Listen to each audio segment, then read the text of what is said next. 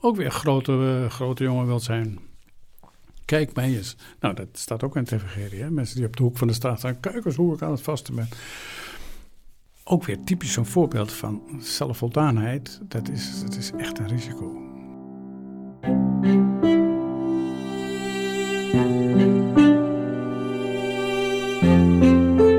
Leuk dat je luistert.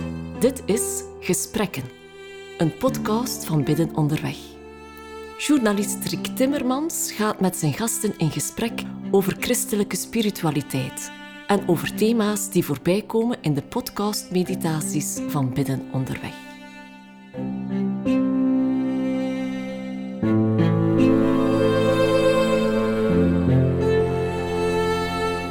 Vandaag ben ik in gesprek met Ben Vrie. Eh, Ben is Jezuïet, woont in Amsterdam, is ook geboren in Amsterdam. En eh, hij is rector van de Krijtberg, dat is de Jezuïetenkerk.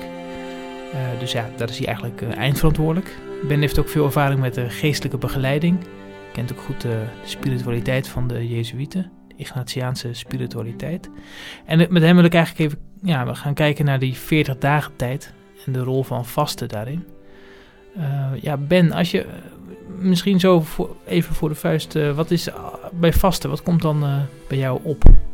Dat je je iets ontzegt, eh, terwijl je het graag zou willen hebben. Ik, eh, toen ik wist dat dit gesprek eraan kwam, eh, dacht ik ineens, goh, nou pak ik wel dat koekje. Maar ik zou kunnen zeggen, nee, ik neem het niet, want het is voor enig doel, is dat beter.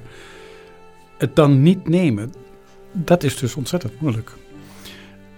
En dat, dat, ja, dat gaf mij gedachten over vasten is echt, je, je onthoudt je van iets eh, wat je veel plezier zou kunnen geven, waar je, waar je, eh, ja, wat fijn is om te hebben of te krijgen of te eten. Ehm, ja, en dan is natuurlijk de vraag waarom dan. Hè? Ja, want je hebt een bepaalde behoefte en de bevrediging daarvan, die ontzeg je je eigenlijk. Dus je onthoudt je de vanzelfsprekende toegang tot eh, ja, genotmiddelen, tot dingen die gewoon aangenaam zijn voor de mens.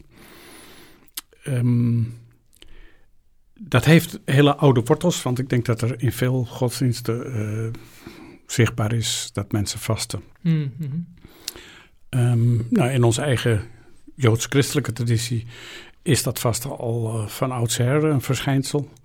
Eh, neem Jona die Ninive tot bekering moet brengen en de stad ingaat en met succes.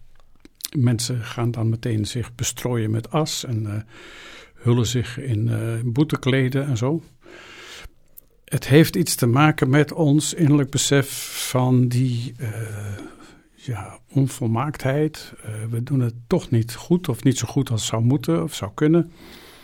En dan helpt het om ja, terug te keren naar, naar, je, naar je, je kern of je wortels. Of, ja. De innerlijke eenvoud, het besef van ik ben niet met mijzelf begonnen, maar God is met mij begonnen. Dus eh, God heeft mij uit het stof van de aarde tot, tot deze mens gemaakt. Eh, zelfs hebben wij, als we bij een graf staan, het besef dat we weer tot stof zullen wederkeren. Dat wordt ook gezegd op, als woensdag als we Mhm. het askruisje uitreiken. Dus mensen die eh, wil- bewust willen beginnen met die 40 dagen tijd, voorbereidingstijd op Pasen. eh, dat ze zich dus ook met, met as laten bestrooien als een teken van ehm, ja, onderdanigheid of ondergeschiktheid aan God. Eh, om weer terug te keren naar ook je, je, de basis, je eenvoud. Je bent eh, in, als mens afhankelijk. Je bent niet eh, met jezelf begonnen. Ehm, en het is goed om daar blijvend besef van te hebben. Dat, eh, ja, Maar als je, is het ook zo dat als je dan gaat vasten, hè, dus echt in de zin van dat je ook minder of, of, of misschien periodes geen eten tot je neemt, dat je dat dan lichamelijk even voelt? Dat je afhankelijk bent. ja als, als je gaat vasten, Mhm. Dan eh, begint het lichaam uit zichzelf met opruimen van wat overtollig is. Dus eh, het is niet zo dat je, dat je ergens pijn krijgt of zo, of dat je iets niet meer kunt omdat je zo aan het vasten bent. Maar je kunt een heel eind uh, doorgaan met vasten. En ondertussen merken, oh, nou is die, die, die, die vettigheid aan de, aan de voorkant is weg. Of, maar ook ik word fitter, ik, ik, ik beweeg makkelijker. dus dat het voor ons fysiek gestel gewoon goed is om ja, dus terug te gaan naar wat, wat, wat een goede basis is. Mm -hmm. Dat is natuurlijk niet verkeerd. Maar wat is er dan zo? Want het is, staat in een geestelijk, het staat in een voorbereidingsproces op Pasen. Dus is heel duidelijk ook de link met dat het dat het in elk geval, nou ja, dat het je geestelijk ook voorbereidt, denk ik, op, op de opstanding van Jezus. Wat is dan die geestelijke link? Ja, je hebt al iets gezegd over onderdanigheid. En... Ja, uh, we, we, bereiden ons natuurlijk voor. Je zegt op de opstanding, maar daarvoor, daar gaat iets aan vooraf. Dus uh, als uh, leerlingen erop zinspelen dat ze Jezus heel graag willen navolgen, want ze willen net zo als zijn als hij, mm dan waarschuwt hij dus meermalen van kijk uit wat je zegt, want als je echt mij wil volgen, dan zul je ook onder ogen moeten zien dat het leven niet alleen maar leuk is en zelfs dat je op de proef gesteld kunt worden. En hij, hij, na afloop zeggen we dan, hij voorspelt dat, dat hij zijn lijden en zijn dood omwille van zijn overtuiging. Ik zou zeggen, die 40 dagen tijd probeer nog wat uitdrukkelijker, trouwer te zijn in die navolging van Jezus. Met het besef wat wij dus nu hebben, wat de leerlingen toen nog niet hadden, dat het een doorgang is naar beter leven, naar eeuwig leven, eh, Gods leven in ons. Rijkdom en God op een of andere manier, die horen niet bij elkaar. Dus als ik op, naar God zoek, dan leidt dat als het ware vanzelf tot versobering.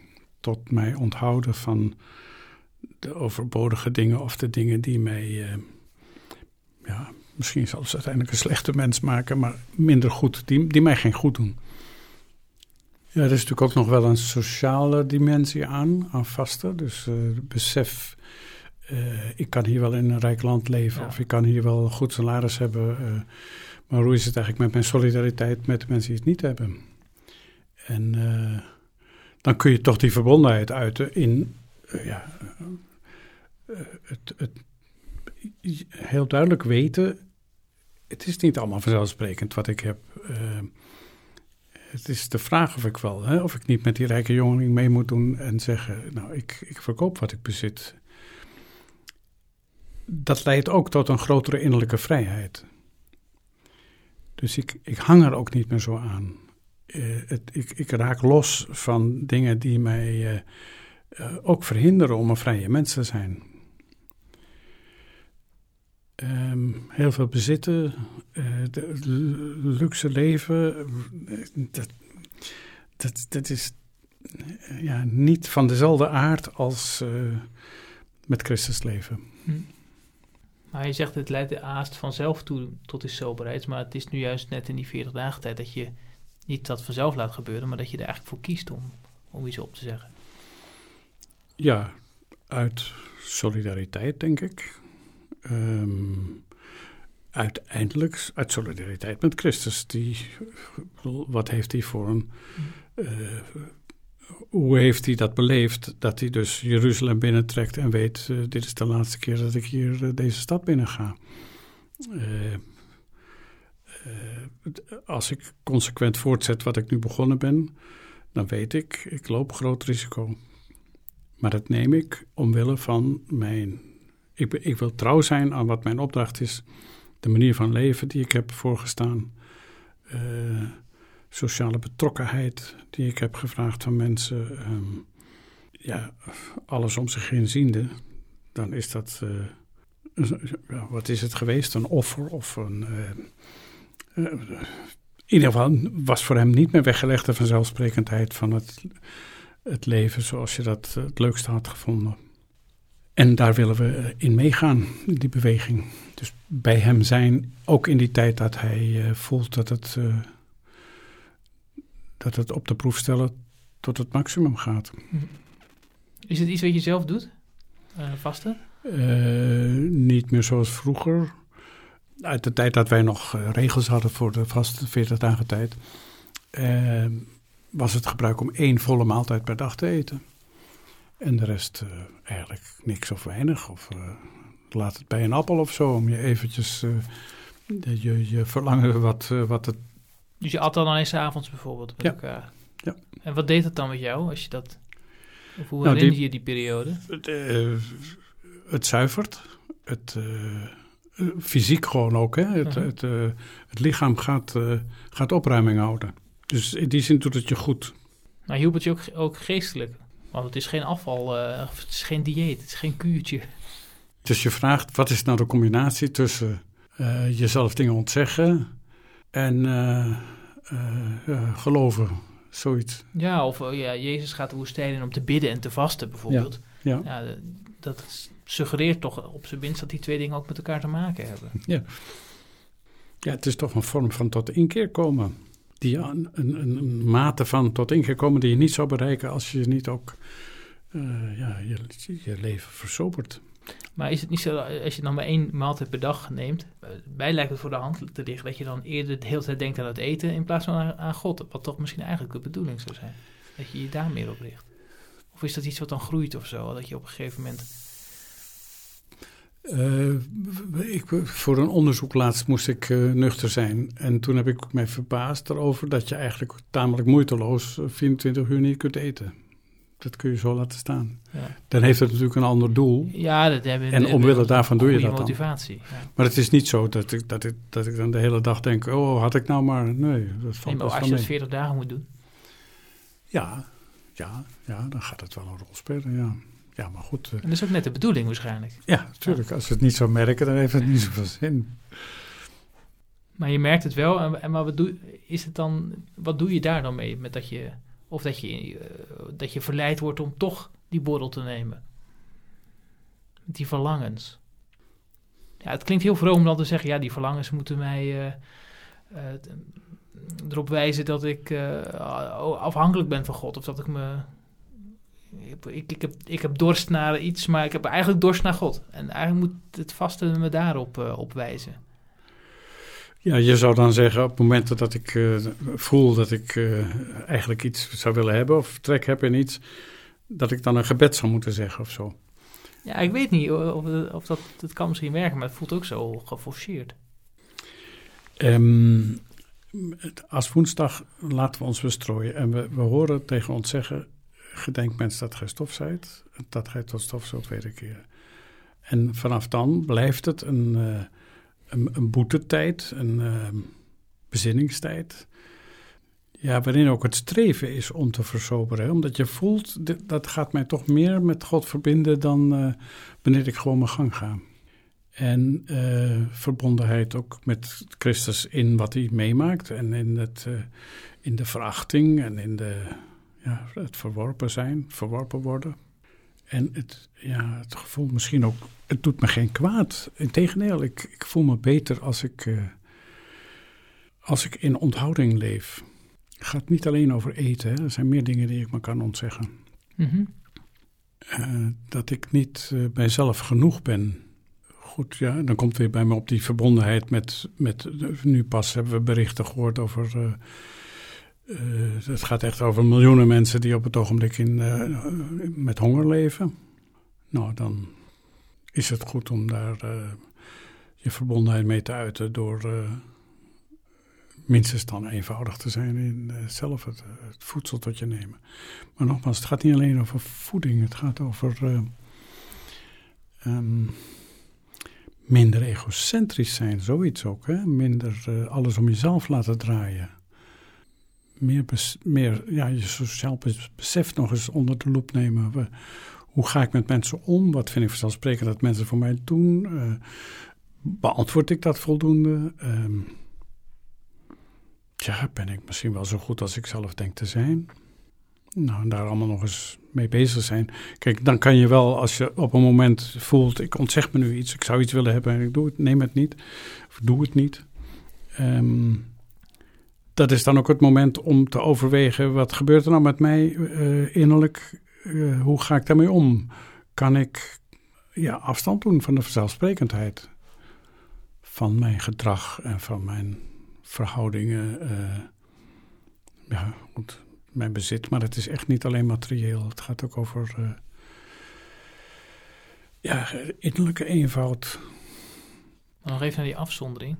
Nou, Jezus zie je natuurlijk ook, hè? die gaat dus woestijn in. En dat, ja, dat is dus een plek van afzondering. Hij ziet ook gewoon 40 dagen geen mensen. Ja. Uh, behalve dan de, dat de duivel bij hem op bezoek komt. Ja. Wat we daar ook maar moeten voorstellen. Maar in elk geval is zijn ervaring dat er verleidingen op hem afkomen. Ja. Uh, hij weet dan met enkele bijbelwoorden de, als pijlen uh, die verleidingen te weerstaan. Het zegt ook wel iets dat het niet per se eenvoudig is. Nee, dus uh, hoe je die duivel ook voorstelt, het, maar je hebt er zelf al op gezinspeeld. Uh, als je je wat ontzegt, dan, ja, dan krijg je last van allerlei dingen. Je, dat, gaat, dat, je voelt de pijn ervan of het ongemak. de woorden die Jezus daaraan geeft, dat gaat toch over um, um, weer dat gedenkmens dat je stof bent. mens leeft niet van brood alleen. Uh, mens leeft niet dankzij uh, dat hij de baas kan spelen. Uh, een woord als nederigheid, waar ik ook wel aan hecht, um, krijgt dan weer wat inhoud. Nederigheid? Klinkt ook... Ja, dan hoef je niet zo lelijk bij te kijken. nederigheid. Um, ja, jij hecht eraan. Ik vind het ook wel een mooi woord, maar het is wel iets waar, wat je... Hoe leg jij dat uit, dat woord? Mensen die zeer vertrouwd zijn met God, willen daarin groeien in die vertrouwdheid met God en merken dat ze dat alleen kunnen als ze het besef verder uh, uitwerken, uitleven van ik, als ik naar God toe wil, moet ik dus bij mezelf weg. Moet ik mezelf verlaten, moet ik uh, van mezelf afzien. Pas dan zal er meer ruimte komen waar God kan zijn. Maar zolang ik zelf nog te veel op de voorgrond ben of zelf te veel in beeld ben, dan, uh, dan werkt dat niet goed. En wat is dan dat zelf? Ja, ik, het ging, we moeten naar het woord nederigheid Ja, ja maar het heeft, heeft, toch volgens mij wel sterk daarmee te maken met, met, met het zelf. Met wie je bent. Ja, weinig wordt erbij gezegd. Hè? Hoezeer je ook jezelf kunt zijn, je bent altijd afgeleid. Je bent niet je eigen oorsprong. Ja. Je bent uh, afhankelijk, je bent uh, ingebed in iets veel groters dan, dan wat jij zelf bent. Ja, ik, je kunt heel eenvoudig zeggen, kijk, arrogante mensen zijn niet sympathiek. Hè? Mm -hmm. Dus het zit toch ook wel in onze, onze aard dat wij uh, mensen die, zoals het dan heet, eenvoudig van hart zijn, aardiger mensen vinden om mee om te gaan dan opgeblazen figuren. Maar die nederigheid heeft, is dat mee, die eenvoudige van hart ja. en die nederige, ja. is, dat, is dat synoniem? Ja, dat zou ik wel, ja. Jezus verwijst naar kinderen. Hè? Kijk, die, die hebben geen pretenties, die uh, stellen zich niet aan. Uh, die, die zijn uh, open, oprecht.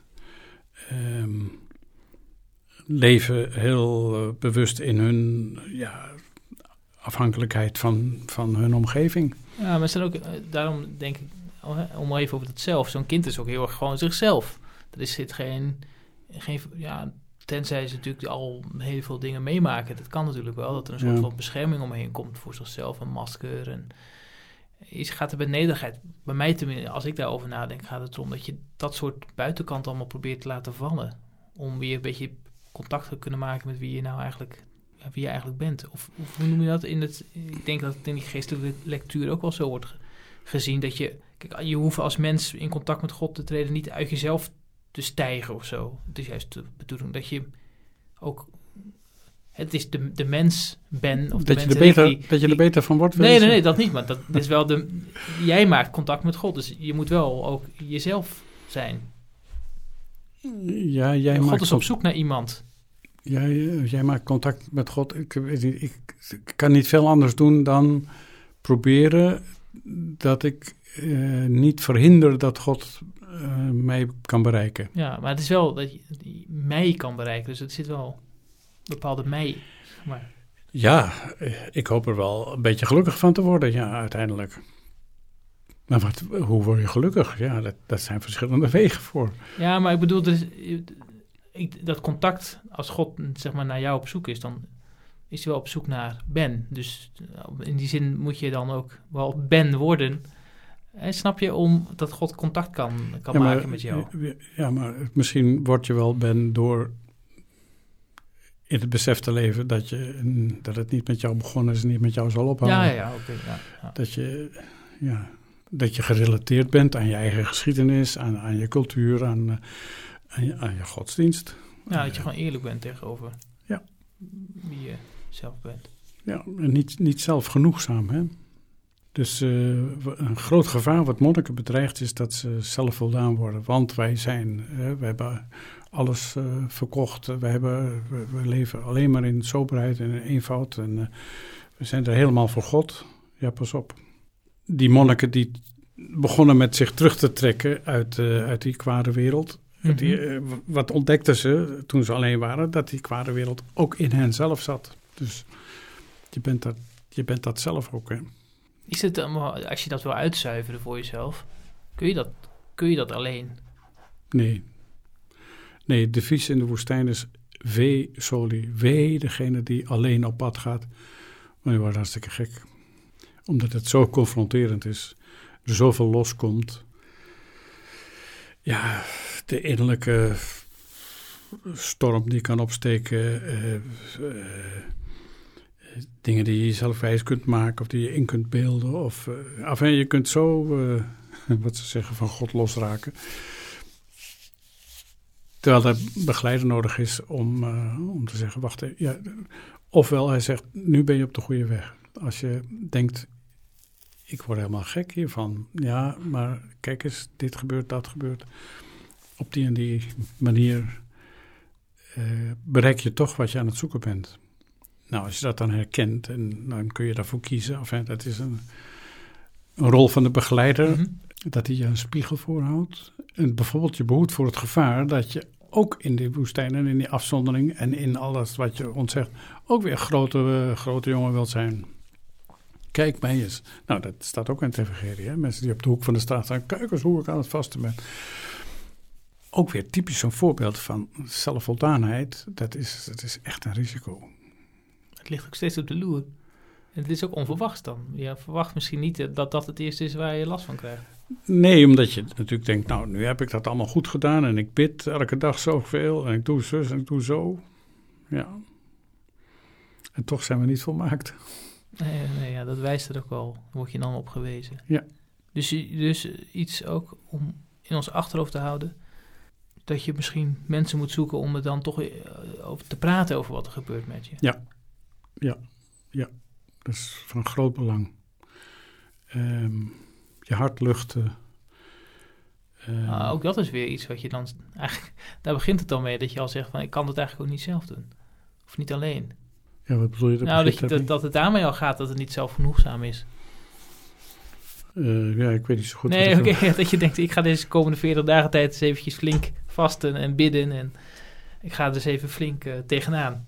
Dat dat misschien al een, een discutabel startpunt is.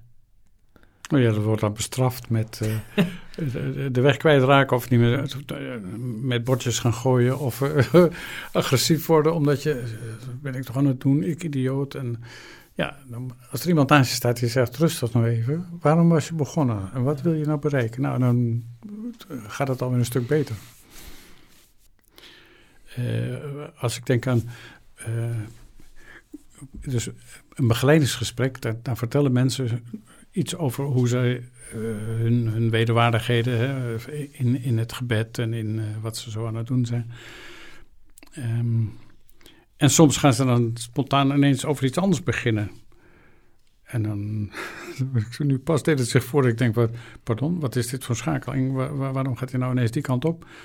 Ehm, het roept op dat je in jezelf op zoek gaat naar de belemmeringen die er in je zitten bewust of ja, meer of minder bewust. Dus ineens kan iemand gaan praten over, eh, eh, ja, ik ben alsmaar chagrijnig. En eh, gisteren ook, en eh, oh, vanochtend eh, zo en zo. Nee, eh, wat heeft dat nou met je geestelijk leven te maken? Maar wat, wat bleek is dat die chagrijnigheid was een signaal van, je moet eens kijken naar wat je aan het doen bent. Je moet eens kijken naar wat er nou gebeurt. Ehm, eh, eh, de, de, de, de, de manier van doen die je nu hebt, die kun je zo niet voortzetten. Dat is niet goed. Dat, Mhm. dat merk je dus aan je eigen stemming. Maar je, je voelt ook dat je die aan anderen overdraagt en eh, dat anderen er last van krijgen. Da- ja. Nou, dat zijn dingen natuurlijk waar je dan alleen in gesprek met een ander helderheid over krijgt. Want ja, ik ben chagrijnig. De oefeningen roepen dan, zoek de oorzaak. Waar komt het nou vandaan? Wat, wat, is, wat gebeurt er? En dat zal, als je gaat vasten, alleen maar meer worden. Dat, eh, dat je vragen gesteld krijgt aan jezelf. eh, waarom doe je dat?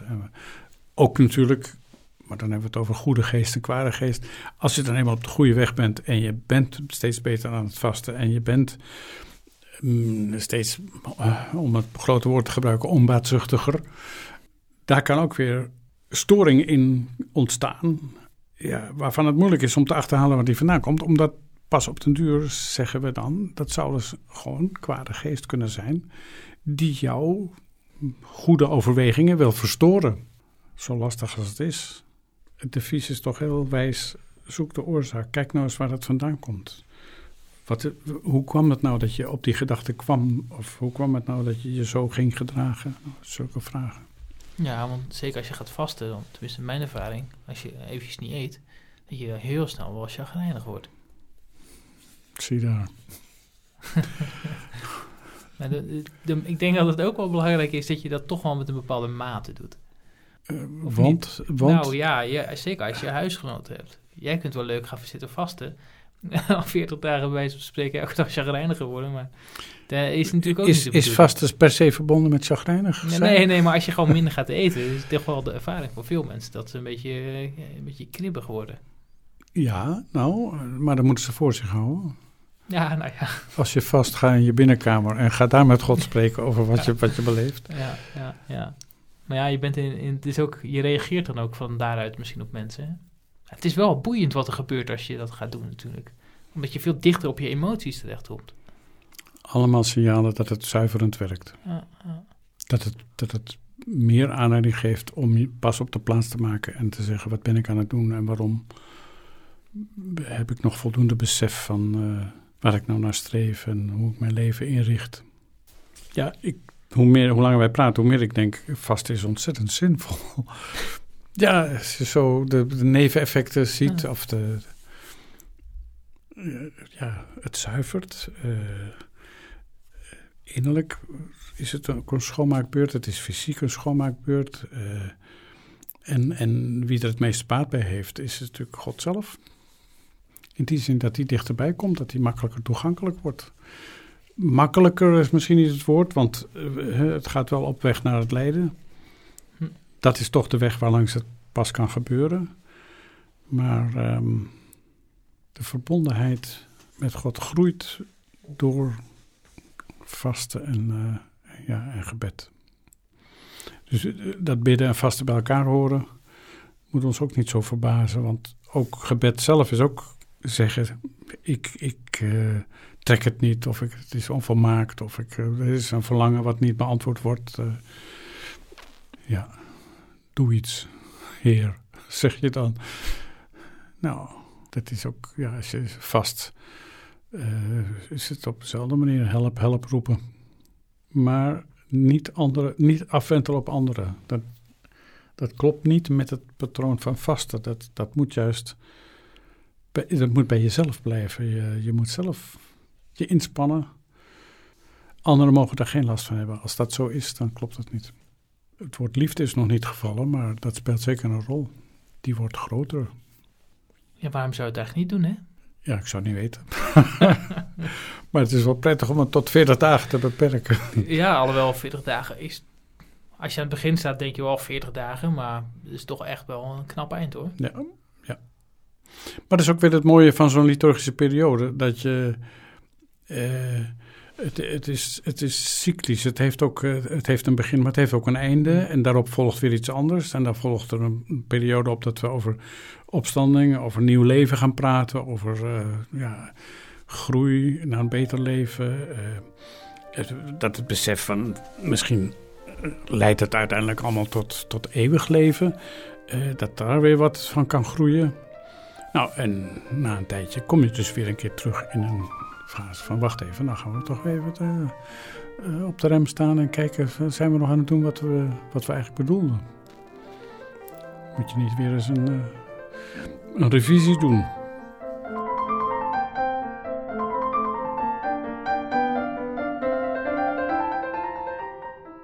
Heb je genoten van dit gesprek?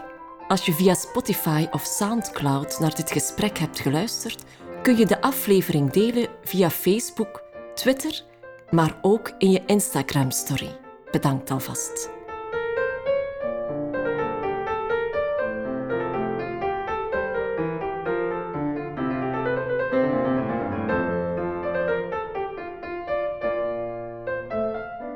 Bidden onderweg is een gebedspodcast Iedere dag staat er een nieuwe Bijbelmeditatie van ongeveer 12 minuten voor je klaar. Je vindt de gratis app van Bidden Onderweg in je App Store of ga naar biddenonderweg.org.